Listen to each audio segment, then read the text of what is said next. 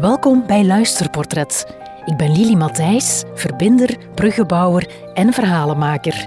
Dit is de podcast van Mensen voor Mensen.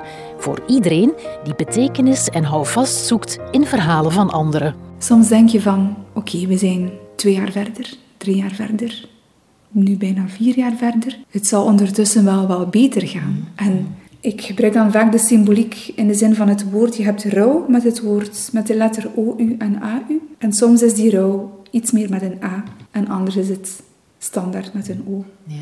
Dus plots komen die scherpe kanten terug naar boven, onverwacht.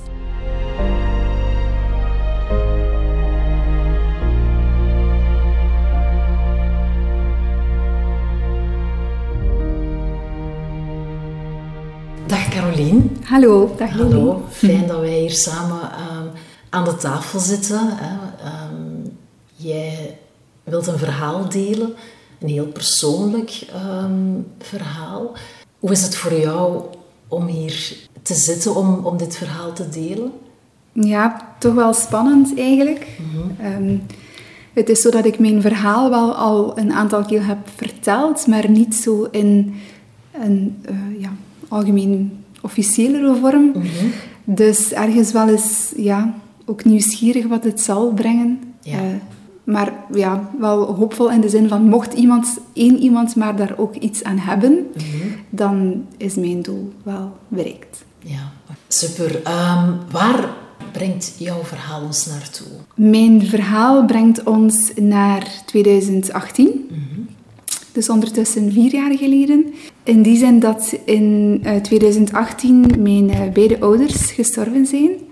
En, uh, op 3 februari mijn mama en op 27 augustus mijn papa. Dus ik was toen 35. Wauw, op heel korte tijd je beide ouders verliezen. Ja. ja. Dat, dat was iets dat je niet zag aankomen? Ja en nee. In die zin, in 2014 hebben mijn ouders ook in een tijdspanne van twee weken verschil beiden de diagnose van kanker gekregen. Mhm. En uiteindelijk zag het er, laten we dan zeggen, tussen aanhalingstekens goed uit. In die zin dat mama uh, genezen was van keelkanker. Bij papa was dat dan niet het geval. Dus we hebben wel een aantal mooie jaren nog gehad nadien, na de chemo en de bestralingen. Dus ze hebben alle twee een behandeling ondergaan? Ja. ja. Dus ik had wel al in mijn achterhoofd van, this is extra time. Zoals in de voetbal, extra tijd. Ehm, maar toch in de misschien naïviteit van, wie weet is die extra, extra tijd wel 15 jaar, 20 jaar. Mhm. Ehm, dus het overlijden zelf, zeker van mama, is wel heel plots gegaan. In een week tijd is mama gestorven. Ja. Ehm, uiteindelijk uh, aan de gevolgen van een dubbele longontsteking. Door het feit dat mama fysiek zwakker was, mhm. door de behandelingen, was zij te zwak om die dubbele longontsteking, om, ja, om het te halen. Ja, uh, met alle gevolgen van die. En dan bij papa hadden we in november 2017, dus drie maanden voor mama gestorven is, ja, het bericht van de huisarts waar we ook als gezin zijn samengekomen, uh, de melding dat papa het niet ging halen. Dus wij waren ons aan het voorbereiden als gezin. We zijn met vier kinderen en dan mama en papa. Als gezin aan het voorbereiden op het afscheid van papa. Ja. En dan heel plots tussenin, in een week tijd, is mama toch gestorven. Herinner je je dan nog dat moment? Dat je dan zo samenkomt en, en dat je uh, ja, nog geen afscheid moet nemen, maar dat iedereen er nog is. Ja, absoluut. Dat is iets wat je nooit vergeet. Mhm. Ehm, ik herinner mij in eerste instantie het begin van, laat ons zeggen, het leven voor en het leven na. In die zin op 26 januari. Wat niet toevallig, want ik geloof wel, ik ben wel wat bijgelovig, is 26 eh, januari de trouwdatum van mijn ouders en ook de verjaardag van mijn papa. Mhm. Op die dag is mama ziek geworden. Dus ik herinner mij een telefoon van mijn tweelingzus van, met de melding dat het niet oké was met mama. Ik was toen op mijn werk. En ik ging ehm, die dag op bezoek en ik zag heel duidelijk aan mijn mama dat het niet oké was. Mhm. Dus dan ben ik die nacht blijven slapen bij mijn ouders thuis. Mijn, mijn broer, zussen... Uh, die konden niet komen overnachten, want ze moesten ook werken en dergelijke. Dus ik nam dit op bij mij met alle plezier. En uh, ja, ik deed wat ik kon, want ik ben ook niet medisch geschoold. Dus um, iedere twee uur nam ik de koorts van mijn mama, de bloeddruk. Maar ja, ze ging echt toen al heel sterk achteruit, maar we wisten ook niet echt wat de diagnose was mm -hmm. toen. Ja. Wij dachten van, oei, de kanker is terug en dat is niet oké. Okay. Um, waarop mijn mama rond, laten we zeggen, half vijf die nacht uh, luidop zei tegen mijn papa van... Papa, je gaat mijn begrafenis moeten voorbereiden. Echt? Het gaat niet meer lukken. Ja. Dus dat was toen al een zeer raar moment. Dus dan rond vijf uur is de ambulance mijn mama komen halen.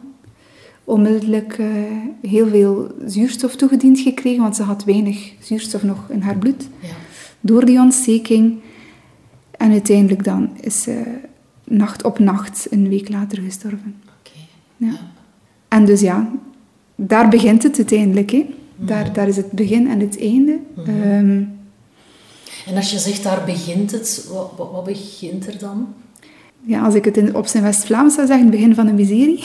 Ja. maar anderzijds ook, wat wel dubbel is, het begin van iets nieuw. Mhm.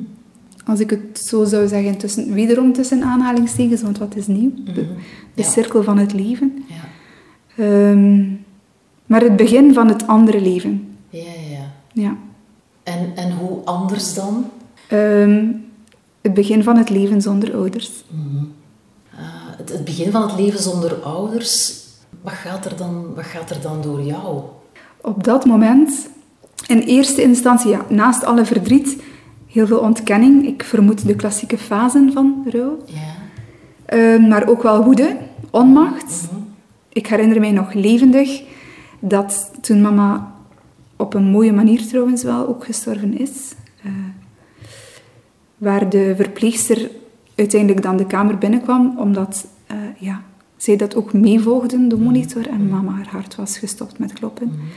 Was zij de enige, eerste persoon die ons als gezin een innige deelneming toesprak toewensen vind ik niet het juiste woord. Ja. En ik werd zo boos op die persoon, zo van, wat lief, welk lef heb jij om nu plots... Dat was volledig in ontkenning van, oh, dit is niet waar, dit is nog een nare droom, dit gebeurt niet echt. Ja, um, ja dat was de eerste reactie. Maar uiteindelijk wel een zeer mooi moment, want wij waren er ook allemaal bij toen mama gestorven is. De, ze hebben ons ook opgebeld van het ziekenhuis, dus zij is uh, s'nachts uh, tien voor drie gestorven. Um, letterlijk op de, de tonen van Wiltura, haar favoriete zanger. Okay. Dus we hebben eerst um, Ik mis je zo opgelegd en dan Hoofd het leven. Amai, mooi. Ja, en eigenlijk letterlijk op die laatste tonen, dat is een instrumentaal gedeelte, het einde van het lied, dan is mama haar hartslag met sprongen van 10, 15 slagen per minuut achteruit gegaan. En eigenlijk op het einde is mama ook gestorven. Dus wel zeer mooi. Maar ja, um, ik krijg er een koude rilling van als ik het, uh, als ik het hoor. Ja. ja. En bij mijn papa was het dan anders. In die zin dat na het overlijden van mijn mama, we als gezin er heel sterk uiteraard geweest zijn voor papa. Papa is toen ook ziender ogen zeer sterk achteruit gegaan. Dus wij als drie zussen hebben, uh, zijn in een beurtrolsysteem dagelijks bij papa geweest om voor papa te zorgen. En uiteindelijk is papa ook gevallen, heeft hij een nieuwe heup moeten krijgen, dus een heel zware operatie, wat eigenlijk ja, bij nadere inzien, ja, maar ja, op dat moment is dat de eerste of enigste medische keuze wat moet gebeuren. En in die periode is mijn zus ook op vakantie geweest. Dus op zich, ja, alles ook oké. Mijn papa wou dat ook. En ook naar mij toe zei mijn papa van... Ga maar op reis. Je, ja, je verdient het ook met jouw gezin om ook eens een weekje eruit te zijn na dit jaar.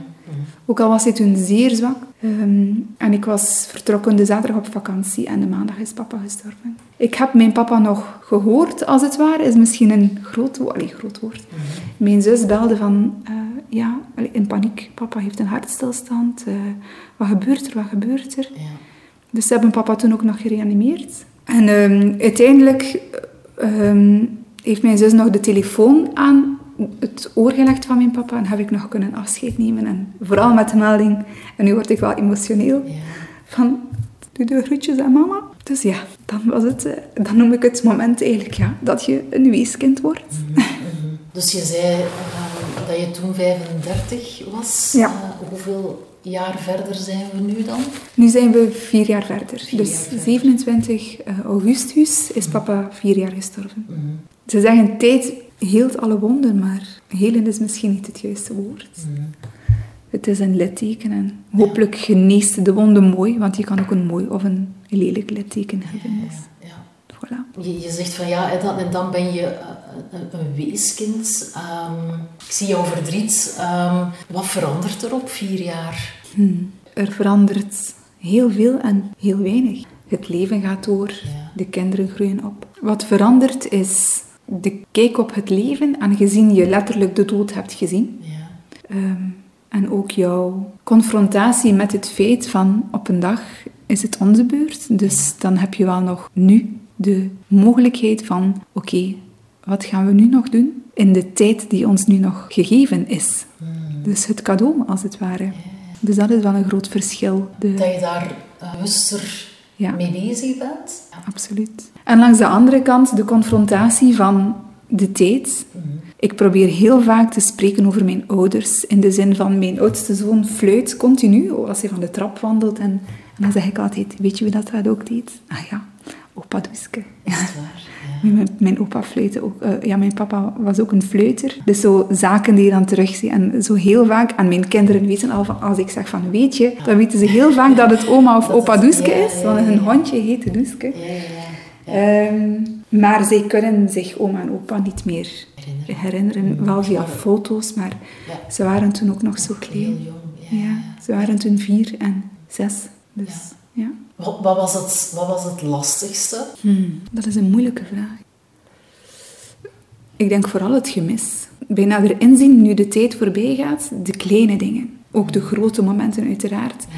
Maar uiteindelijk heb je in een jaar, als je ouders in mijn geval er niet meer zijn, ook zoveel moeilijke dagen, zijnde hun verjaardag, Ja. moederdag, vaderdag, Ja. Kerst en nieuw. Dus er zijn altijd mijl, de, sterfdatum en de datum van de begrafenis, ook wederom. Dus om de zoveel maanden zijn er moeilijke dagen. Maar vooral de momenten van, oh ja, ik ben op reis. Ah, Ik moet nog bellen naar mama om te vertellen hoe leuk dat hier is. En dan, ah ja, nee, het is dat kan niet meer. Zo, dat doet wel veel pijn. ja, ja. Is dat iets dat je nu ook nog soms hebt? Of was dat vooral in de beginperiode dat je Ja. Die reflex dan had en dan het, besef van oei... ah, Ja, minder frequent, maar toch wel nog. Ja, en dat is heel raar. Ook al is dat een fractie van een seconde, waar jouw hersenen nog niet mee zijn met de realiteit. Maar het automatisme om te willen delen van wat er gebeurt in je leven. mhm. Dus dan vullen wij dat op met eh, ja, broer en zussen. Onze WhatsApp-groep die is levendiger dan ooit tevoren. En iedere herinnering, liedje, wat er ook op de radio wordt gespeeld, eh, ja, delen wij continu. Ook die WhatsApp is zeer levendig. En dan het feit van, dan bellen we soms van, normaal zou ik nu bellen naar mama of papa, maar nu bel ik naar jou. Ja. Dus proberen het gatje, het gaatje ergens op te vullen door iets anders. Ah, ja, ja, Ja. Dus ik hoor jou zeggen, ehm, het, het, het gemis, dat is, dat is een moeilijke. Het, het gemis om, om dingen te vertellen, om, om dingen te delen. ehm, is daar nog iets? Wat ik mis? moet, ja, dat of dat je, ja, wat dat je mist. Ja, wederom de dagelijkse dingen elkaar kunnen vastpakken. En het feit dat, ja, dat ze mijn kinderen niet zien opgroeien. De dingen des levens. Ik zou zeggen, naar huis gaan, maar daar hebben wij gelukkig het feit dat mijn broer thuis woont. Dus hij heeft ons ouderlijk huis gekocht. Dus wij kunnen nog naar huis. Ook al is er een verbouwing, ook al... Maar toch woont er een gezin. Woont mijn broer daar en het hart van het huis blijft. Dus wij kunnen wel nog altijd naar huis. Dus dat is wel fijn. Ja. Is dat belangrijk voor jou, dat je dat Ja. nog kunt? Ja, Ja. voor iedereen. Ja? Voor, voor gans ons gezin. Mijn broer heeft al gans zijn leven gezegd, ik ga hier later wonen. Ja, en het is ook zo gebleken misschien sneller dan gepland. Maar wel zijn we daar heel blij om. En ook met zijn gezin, alle liefde die er is. Ja. Is wel... Bijzonder zijn. Ja, zeer mooi en ook pijnlijk, maar vooral Ja. ook mooi. Ja, en ook dan praten we zo van, goh, amai, moest papa dat zien? Goh, amai, wat zou mama daarvan denken? Zo. Ja, ja, Oh, dan zou het waarschijnlijk wel mooi... Goh, moesten ze dat nu al eerder gedaan hebben? Dan zo die... Het levendig houden van is wel belangrijk bij ons. Ja. ja. Als je uh, die vier jaar, uh, ik kom nog even terug op die vier jaar over die tijdslijn, um, wat, merk je, wat merk je nog dat er um, ja, anders is of, of verandert door, doorheen de tijd? Hmm. Voor mij persoonlijk is een grote stap geweest om mijn toch wel zeer mooie vaste job op te zeggen en volledig zelfstandig op te starten. Mm. Dus dat is voor mij uh, januari 2020 geweest. Ja. En uh, in die zin dat ik toen ook mijn eerste coachopleidingen heb gevolgd. En daar wordt geen kleine, maar wel een grote spiegel voor gehouden.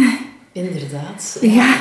Dat is een stukje persoonlijke ontwikkeling. Ja, ja voor wie ooit die opleiding overweegt, dan is het vooral inderdaad ook wel die persoonlijke ontwikkeling die ik heel sterk aanraad. Ja. En vandaar toch wel de keuze gemaakt om mijn eigen pad te bewandelen. En dat was voor mij de keuze om het zekere voor het onzekere in te ruilen en te vertrouwen in mijn eigen kennen en kunnen en mm. te vertrouwen in wat de toekomst brengt. Nu, in die zin veiliger, ik vind het altijd zeer dubbel, maar ik gebruik het woord zelfs niet graag, maar ik heb en had ook wel mijn erfenis.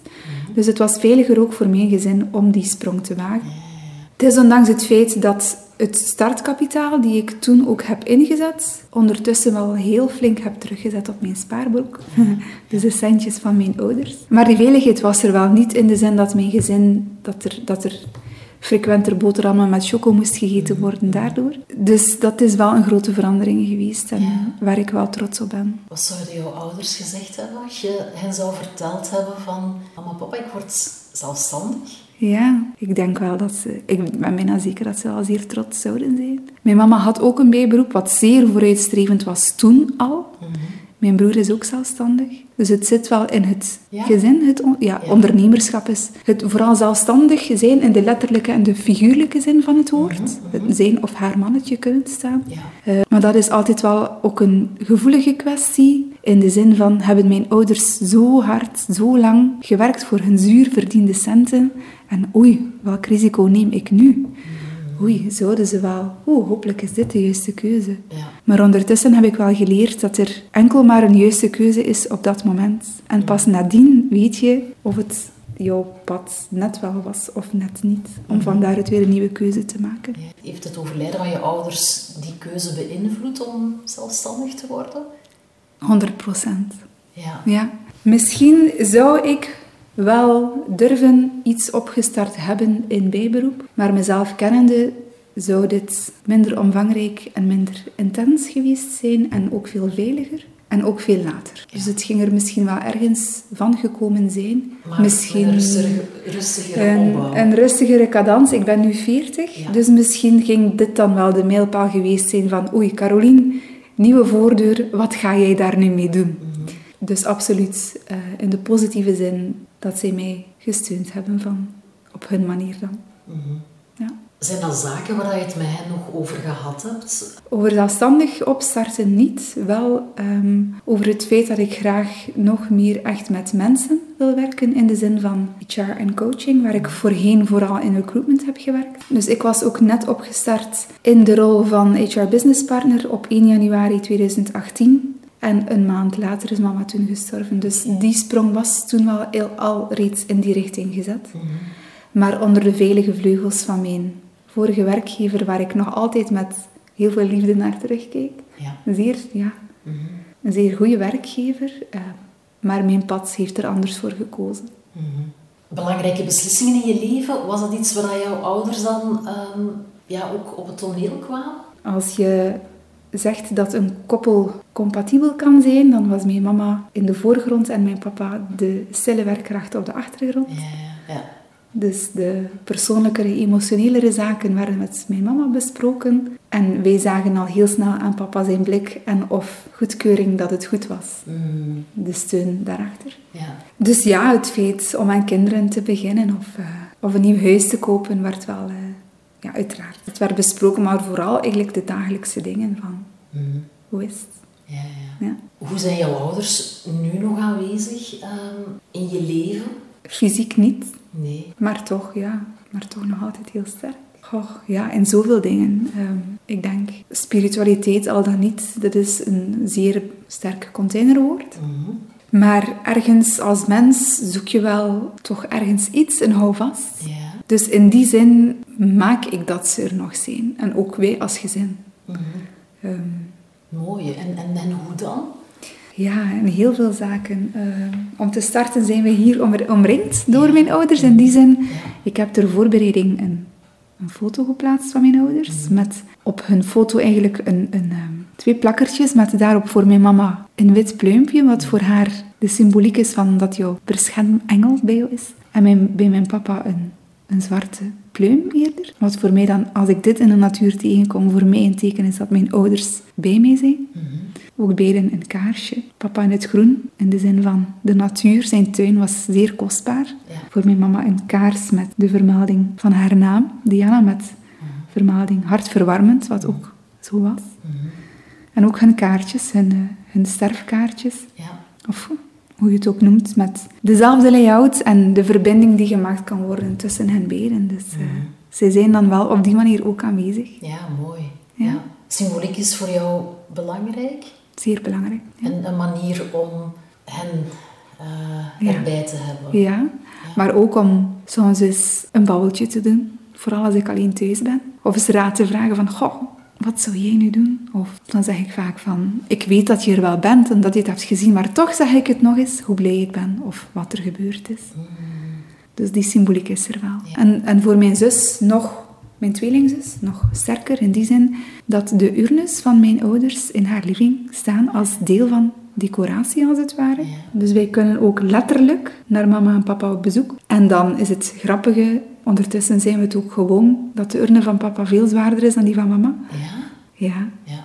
mijn mama was eh, klein en fijn, mijn papa was een beertje. Ja. aha. Dus dan kunnen we die ook eens vastpakken en knuffelen en hallo zeggen. Mijn zus heeft ook een asjuweel bij zich. Ja. Ze draagt ook dagelijks die ketting. Dus in onze familie en ons gezin zit heel veel symboliek. Mooi. Ja. Is er nog iets dat ehm, hen levendig houdt op een of andere manier? Dan is het eerste wat bij mij opkomt muziek. Muziek.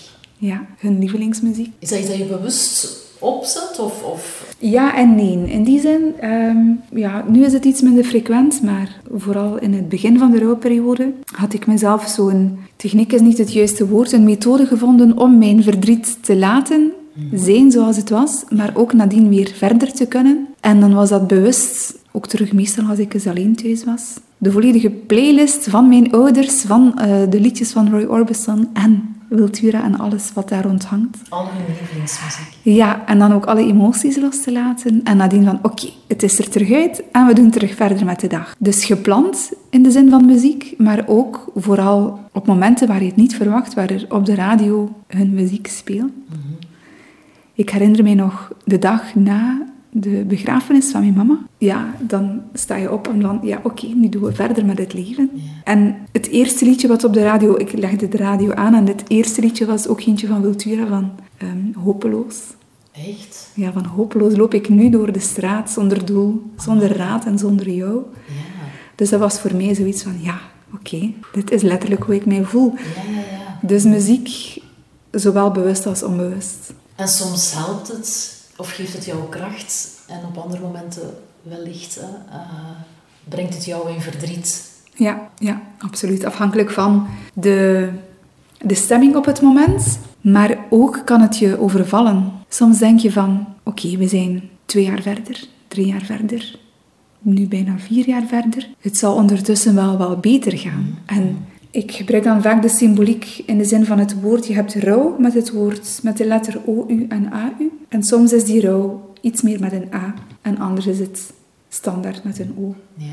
Dus plots komen die scherpe kanten terug naar boven, onverwacht. Ja. Recent vroeg een collega eh, mij, een aantal maanden geleden... Ah, en Caroline, wat heb jij gepland voor Moederdag? Dus ik werk er ook als freelancer, dus zij hebben het moment van het overlijden van mijn ouders niet meegemaakt. En toen was het even van, oei, ehm, ja, mijn mama is er niet meer. Met alle begrip en uiteraard alle respect. Ja, tuurlijk. Ja. Ja, Maar dat zijn wel van die momenten dat dat wel nog eens hè, hard Ja. in je gezicht terugslaat. hè. ja, Mhm. absoluut. Want Ik kan me dat wel voorstellen, het, het overkomt jou. Ja, en vaak ook op momenten waar je het niet verwacht. Mhm. Er is hier bijvoorbeeld nu al de hele tijd een witte vlinder buiten Ja. in de tuin. Dus nu even terug bij de buren. Dat ik denk van, tja, een witte vlinder is ook terug zoiets. Ja, brengt je terug bij je mama. Ja, Mhm.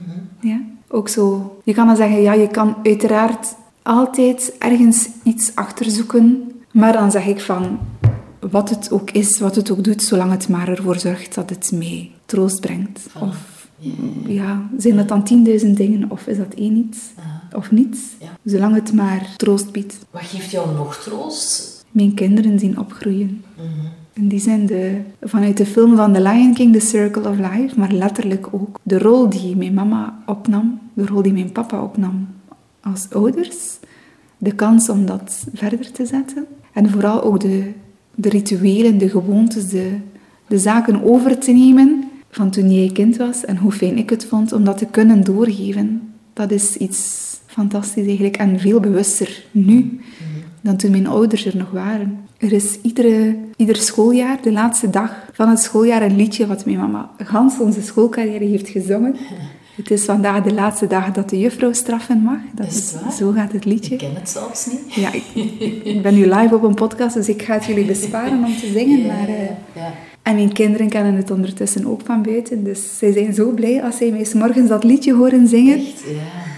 Ja. Ehm, dus dat was recent dan ook zo, een aantal weken geleden. Dus die kleine dingen zorgen er wel voor van. Toch wel fijn dat ik het heb gehad, tenminste. Ja. Ik heb een zeer mooie jeugd gehad. ja. En daar ben ik wel vooral dankbaar voor. En dat is mijn doel, om dat te kunnen doorgeven aan mijn kinderen. Mhm. En jouw kinderen voelen dat, hè? Ik ben het bijna zeker. Ja, ja. Ja, Ik, ik, ik, hoor, ik hoor een mix van emoties bij jou. Is dat iets dat, dat blijft, die, die mix van, van emoties? Ja, absoluut. En voor mij is dat ook oké, want ik geloof heel sterk in balans. En dat die er ook nooit is. Je hebt yin-yang, als het ware, maar klassiek is er ook ja, dag en nacht, de seizoenen, de warm-koud. Ehm, vandaar ook dat mijn bedrijf, mijn eenmanszaak, Inside Out HR is. Met ook letterlijk in het logo ehm, wit en zwart. Ja. Maar ook een, twee kleuren zijnde een soort groen en grijs. En dat zijn dan de kleuren die wij hebben gebruikt om met verf onze handen te schilderen. En wij zelf als kinderen en kleinkinderen hebben allen ons geverfd hand op de kist van mijn ouders gezet. Dus mama had een witte kist met groene handen, Ja. volledig rondom. En papa had een, dezelfde zwarte kist met lichtgrijze verf. En dus die ralkleuren, die code, heb ik gebruikt om ook te verwerken in mijn logo van mijn bedrijf. Amai. Ja, Dus, eh, speciaal. Ja. Dus ondanks of dankzij het feit dat mijn ouders er niet zijn, is dat dan hun ja, nagedachtenis, als het ware, om het zo verder te zetten. Dus die dualiteit is heel centraal bij mij. Ik ben ook van een twee-eigen tweeling afkomstig, dus alles is ook wel dubbel. Zij is, heeft blauwe ogen, heeft blond haar, donkerblond haar. Ik, ben, ik heb bruin haar, bruine ogen, dus ja. Mhm. En, maar ik hoor jou zeggen, het is, is oké voor mij. Ehm, het is goed zo. Ja, dat zorgt wel voor mijn acceptatie. Mhm. Van het is zoals het is, ook al is acceptatie een zeer groot woord. Want moest ik kunnen kiezen, dan was dit nooit gebeurd. Maar toch ergens, ja, dat het leven zo is. En het is ook zo natuurlijk om je ouders te kunnen begraven. Terwijl het zoveel erger is om het omgekeerd mee te maken. Dus, eh, dus daar wel ook die acceptatie. Mhm. Maar gewoon te kort op elkaar en te vroeg. Mhm. Je zei helemaal in het begin, ehm, ook een, een nieuwe start. Hoe moet ik dat dan zien? professioneel dan zelfstandig starten, maar ook de kans krijgen om dichter bij jezelf of bewuster te leven Mhm. En keuzes te maken die je misschien zou uitstellen of dingen doen die je niet zou doen. Ja, om het bewuster te doen. Ja, ja. En misschien hopelijk zelfs ook beter, maar dat weet je pas nadien. Ja, natuurlijk. En wat, wat heeft dat bewuster jou wel gebracht dan? Oké, een nieuwe job, hè, op, op eigen benen, op eigen kracht gaan staan. Ehm, ja, eigenlijk ook wel mijn relatie in die zin dat geen enkele relatie ook evident is. Mhm. Zeker ook, we hebben twee pittige zonen Ja, en ja. het kan wel met een hoofdletter geschreven worden. Mijn ouders hebben ook geen evidente re- relatie gehad. Ehm, het is stil waar het nooit waait, zegt men dan. Mhm. En ieder huisje heeft zijn kruisje, maar het ene kruis is groter dan het Ja. andere of zichtbaarder dan het andere. Dus in die zin wel ook leren accepteren van hoe verschillend je ook kijkt naar de zaken, het is en blijft altijd de moeite om in te zetten op de relatie. En zeker ook dan als waarde voor het gezin en voor de kinderen. Mhm.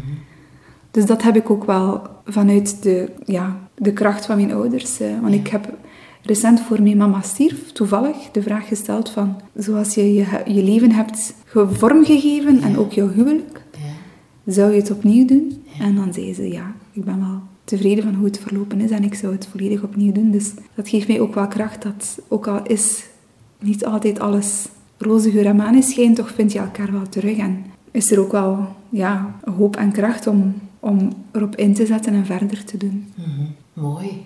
Als je er middenin zit, zie je het soms anders, maar dat is nu eenmaal het leven en de keuzes die je maakt. Mhm. ja. ja. Wat geeft jou nog kracht? Het feit dat doordat ik met de stappen die er zijn geweest ook zelfstandig ben, maar vooral ook nu meer met mensen werk, mhm. geeft het mij kracht om ergens daar ook een verschil te kunnen brengen. Ik volg nu in september ook een opleiding uh, voor coaches. Dus dat geeft mij kracht om ook deels bijvoorbeeld met het delen van mijn verhaal, om, ook al is het maar één iemand, een duwtje in de rug te geven van het kan ook anders. En het einde is pas het einde als het echt het einde is. En ook in te zien dat, wat ik daar juist zei, dat er veel ook gebeurt achter gesloten deuren. Waar veel mensen denken van, ik sta hier volledig alleen voor. Dit gebeurt enkel met mij. Maar er gebeurt zoveel wat niet gedeeld wordt in deze, ik zou er nu van alles kunnen opplakken, maatschappij. Ja, ja, ja. Maar zeer, ehm, misschien zelfs oppervlakkige en vooral actiegerichte maatschappij waar alles ook uiterlijk zeer mooi is. Mhm. Maar waardoor het nog moeilijker wordt voor mensen die een groot verdriet of een groot pijn of wat dan ook meemaken. Mhm. Dus dat geeft me wel kracht om vanuit mijn posttraumatische stress, posttraumatische groei te ervaren en dat ook te kunnen delen dan. Ja, want je zei, al is het maar één iemand die er iets kan hebben, dat betekent voor jou al, al veel. Ja, Ja. absoluut. Zoals als je op straat loopt en je lacht, je glimlacht maar naar één iemand, wie weet welke dag heeft die persoon, welk verschil kan dat al zijn? Door gewoon standaard vriendelijk te zijn. Ja. En je, je gaat die opleiding volgen. Welk verschil wil je daarmee maken? Het verschil zit hem in het feit dat naast mijn persoonlijke ervaring en ook als iemand bij mij komt bij coaching, die ook in de rouw is, om ook van een, vanuit een iets meer wetenschappelijker of theoretischer kader te kunnen begeleiden. Ja. En niet puur vanuit persoonlijke ervaring. Maar dat is iets wat je wellicht ook, allee, dat weet ik eigenlijk niet, hè, niet had gekozen, moest niet gebeurd zijn hè, wat er gebeurd is. Zeg nooit, nooit, maar ik denk het niet. Ja. Dan had ik misschien andere keuzes gemaakt. Maar een zin die daaruit voortvloeit is: het pad ontvouwt zich terwijl je het bewandelt. Dus dit is mijn pad. En dan zien we wel wat de toekomst brengt. Ik wens jou eh, een heel mooi pad, Carolien. Dankjewel. Dank je wel voor het gesprek. Met veel plezier. Bedankt voor het luisteren. Wat heeft dit verhaal voor jou betekend? Misschien wil jij ook een verhaal delen en anderen mee inspireren? Wist je dat je je verhaal ook kan verpakken en schenken aan iemand? Neem een kijkje op de website luisterportret.be. Het zou fijn zijn als je de podcast volgt en erover vertelt, zodat er nog meer gesmuld kan worden van betekenisvolle verhalen.